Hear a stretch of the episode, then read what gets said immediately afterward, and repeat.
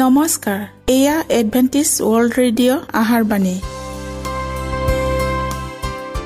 ষোল্ল মিটাৰ বেণ্ডত সোতৰ হাজাৰ আঠশ দহ কিলোহজত এডভেণ্টিছ ৱৰ্ল্ড ৰেডিঅ' যোগে অসমীয়া ভাষাত প্ৰচাৰিত আহাৰবাণী প্ৰত্যেক বুধবাৰ আৰু দেওবাৰ সন্ধিয়া সাত বজাত আহাৰবাণী শুনাৰ পিছত আপোনালোকৰ কিবা মন্তব্য আৰু প্ৰশ্ন থাকিলে আমালৈ এই ঠিকনাত লিখক। আমাৰ ঠিকনাটি হৈছে Adventist World Radio' Seven Day Adventist মণ্ডলী অসম শাখা লতাকাটা বশিষ্ঠ গুৱাহাটী সাত আঠ এক শূন্য দুই ন।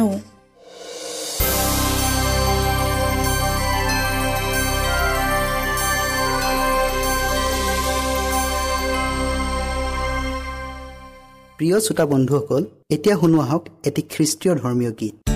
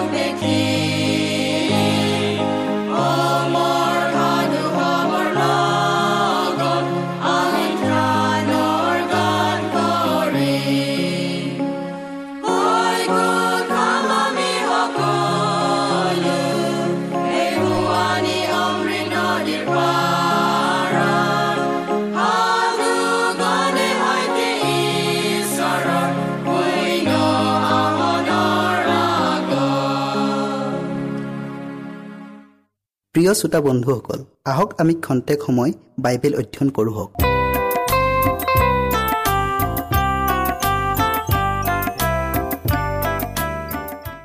আজিৰ আমাৰ বিষয়টি হ'ল এলেহুৱাৰ সংখ্যা কিয় ইমান অধিক?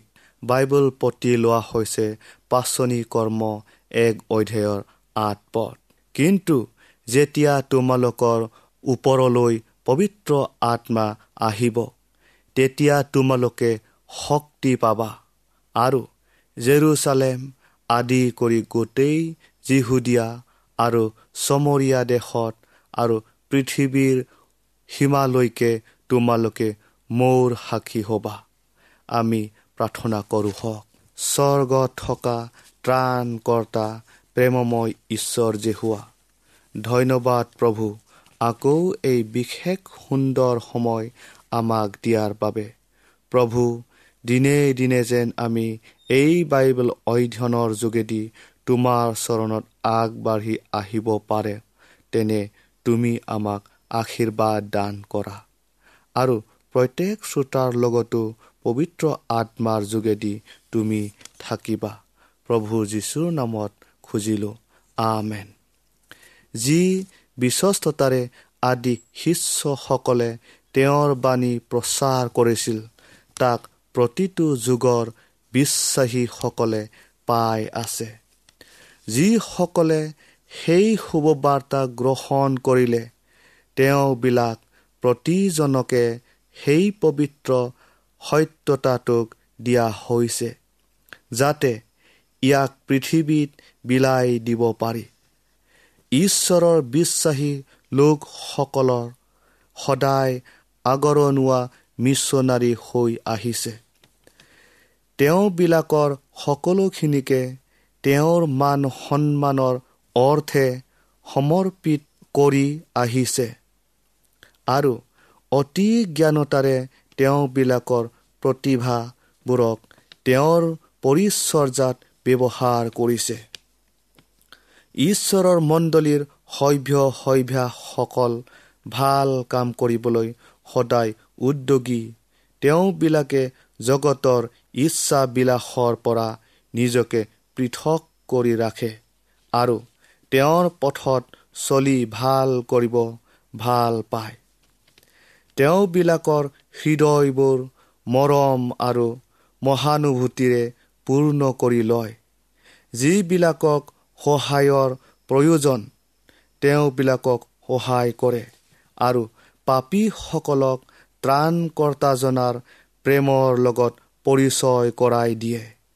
এনেকুৱা ধৰণৰ কামৰ বাবে কঠোৰ পৰিশ্ৰমৰ প্ৰয়োজন কিন্তু এই কামৰ পুৰস্কাৰো কম নহয়। যিসকলে বিশ্বস্ততাৰে আৰু আন্তৰিকতাৰে এই কাৰ্যত আত্মা নিয়োগ কৰে তেওঁবিলাকে অনেক লোকক ত্ৰাণকৰ্তাৰ ওচৰলৈ আনিবলৈ সমৰ্থ হয়। আত্মা আৰু কইনাই কয় আহা। আৰু যিজনে শুনে তেওঁ বোলক আহা। নিমন্ত্ৰণৰ পত্ৰ বিলাবলৈ যাৰ ওপৰত দায়িত্ব দিয়া হৈছে সেয়া হৈছে গোটেইটো মণ্ডলী। যিসকলে এই নিমন্ত্ৰণৰ বাণীক শুনিলে তেওঁবিলাকেও এই বাণীক পাহাৰে ভৈয়ামে প্ৰচাৰ কৰিব লাগিব। তেওঁবিলাকৰ আহা বুলি কোৱাৰ মাতেৰে পৰ্বত ভৈয়ামত ধনী প্ৰতি ধনীত হ'ব লাগিব। সহস্ৰ হয় হাজাৰ হাজাৰ যিবিলাকে পৰিত্ৰাণৰ বাণীক শুনিলে তেওঁবিলাকে সাত বজাৰত এতিয়াও এলেহুৱা হৈয়ে আছে। কিয়নো এনেকুৱা ঠাইবিলাকত শুভবাৰ্তা প্ৰচাৰৰ বাবে কিবা এটা নহয় কিবা এটা তেওঁবিলাকে কৰিব পাৰিলেহেঁতেন কিন্তু কৰা নাই।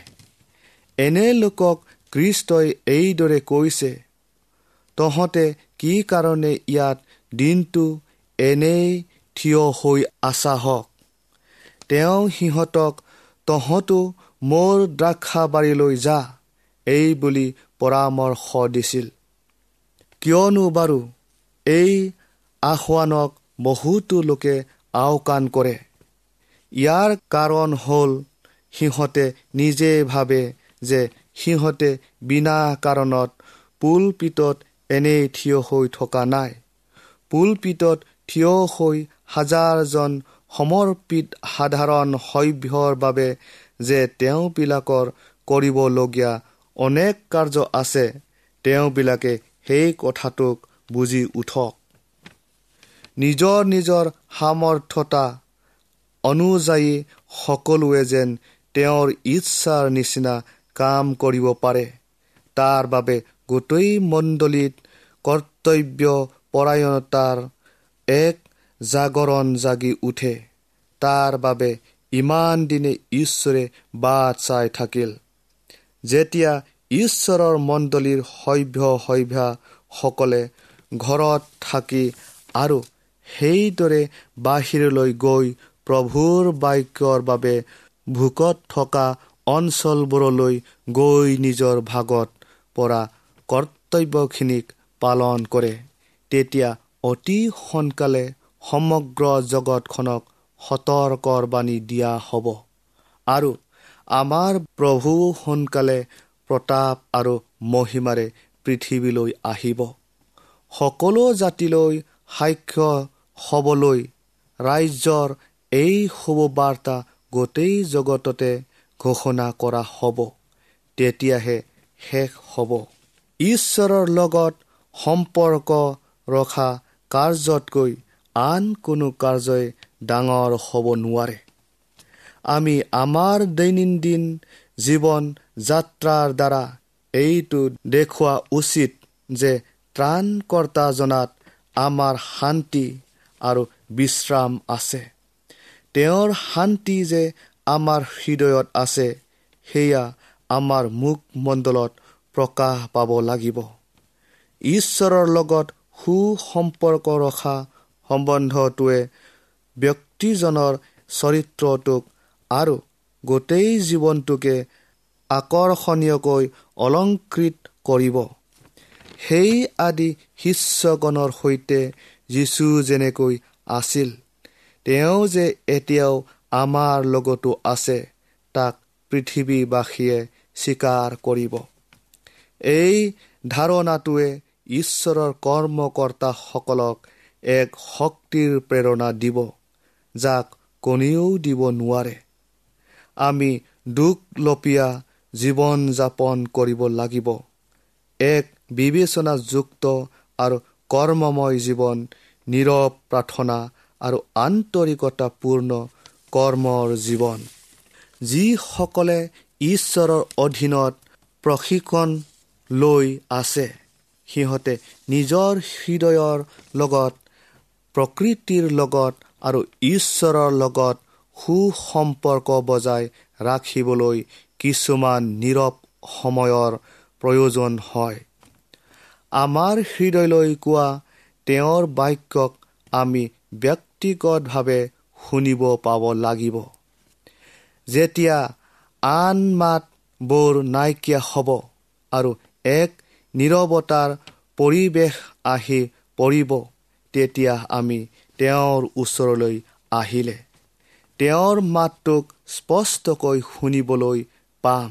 তেওঁ আমাক এইদৰে আদেশ কৰিছে ক্ষান্ত হোৱা মই যে ঈশ্বৰ তাক বুজা। ঈশ্বৰৰ বাবে কাৰ্য কৰিবলৈ নিজকে প্ৰস্তুত কৰা।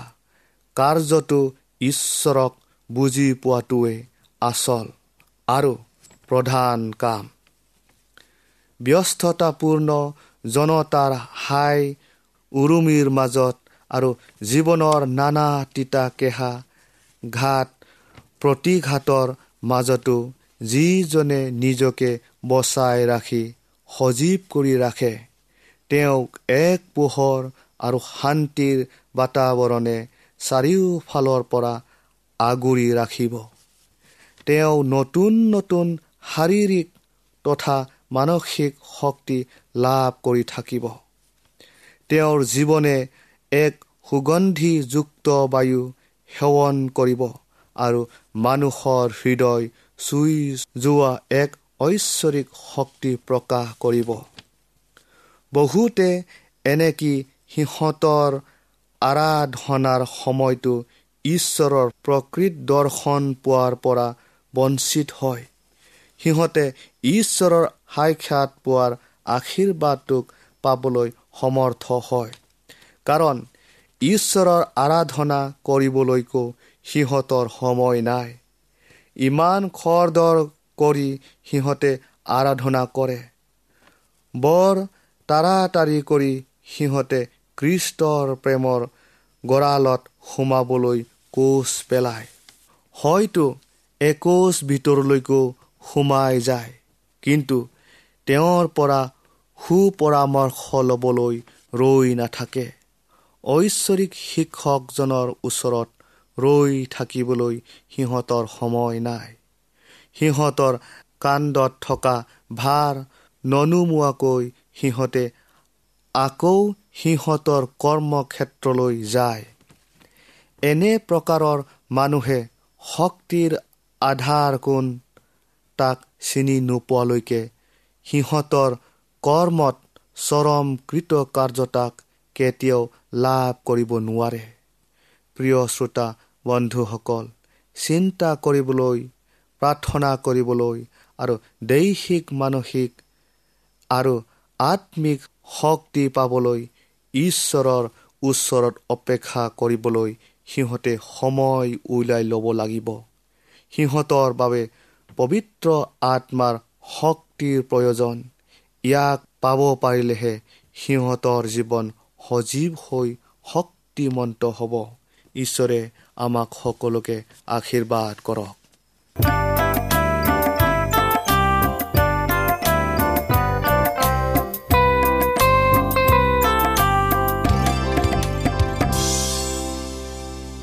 ইমানপৰে আমি বাইবেল অধ্যয়ন কৰিলোঁ। এতিয়া আকৌ শুনো আহক এটি খ্ৰীষ্টীয় ধৰ্মীয় গীত।